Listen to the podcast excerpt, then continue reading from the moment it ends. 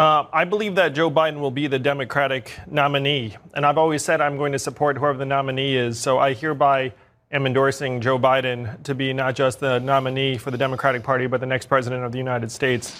Just over a week ago, many of the pundits declared that uh, this candidacy was dead. Now we're very much alive. It's morning again in America. Good morning, folks. Please, please. Come on, let's go. Let's go get some coffee. Det er onsdag 11. mars.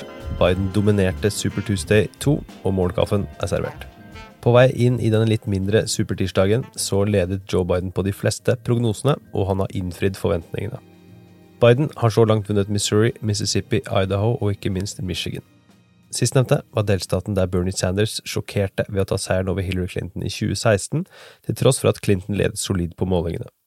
Biden vinner med relativt solide tall, men Bernie plukker med seg delegater. Det telles fortsatt i Washington og North Dakota når dette tas opp.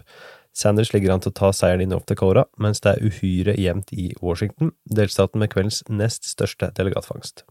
Ifølge New York Times delegatoversikt har Biden nå 823 delegater mot Sanders 663, og da er kun delegatene på delstatsnivå i Missouri, Mississippi, Idaho og Michigan så langt fordelte etter nattasvalget. For å vinne flertall på landsmøtet i sommer må kandidatene ha 1991 delegater, og slik sett er det langt fra avgjort, men skriften er likevel på veggen for Bernie Sanders. Sanders måtte vinne i kveld for å holde håpet i live, og det gjorde han ikke. Om en uke stemmer Arizona, Florida, Illinois og Ohio, alle relativt delegatrike stater der Biden leder solid på målingene. Biden talte til en liten forsamling i Philadelphia i morgentimene i dag norsk tid. Sanders talte ikke i natt. Sistnevnte sier en del.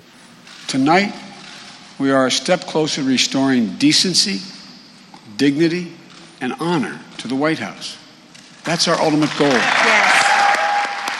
And at this moment, when there's so much fear in the country, and there's so much fear across the world, we need American leadership. We need presidential leadership that's honest, trusted, truthful, and steady. Reassuring leadership. Både Joe Biden og Bernie Sanders skulle hatt arrangementer i Cleveland, Ohio på valgkvelden, men begge kampanjene avlyste disse under henvisning til smittevern i forbindelse med spredningen av koronaviruset. De to kampanjene har sagt at avviklingen av kommende store arrangementer blir vurdert individuelt. Debatten mellom Biden og Sanders vil også gå av stabelen uten publikum i salen av samme grunn. Visepresident Mike Pence sa også tirsdag at Donald Trumps store rallies vurderes fortløpende med tanke på smittevern. Dagens utgave av Målkaffen er servert av Sigrid Rege Gårdsvold og undertegnede Are Togoflaten.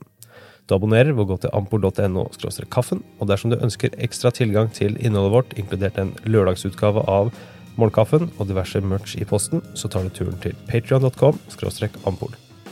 We need you, we want you, and there's a place in our campaign for each of you. And I want to thank Bernie Sanders and his supporters for their tireless energy and their passion. We share a common goal, and together we'll defeat Donald Trump. We'll defeat him together.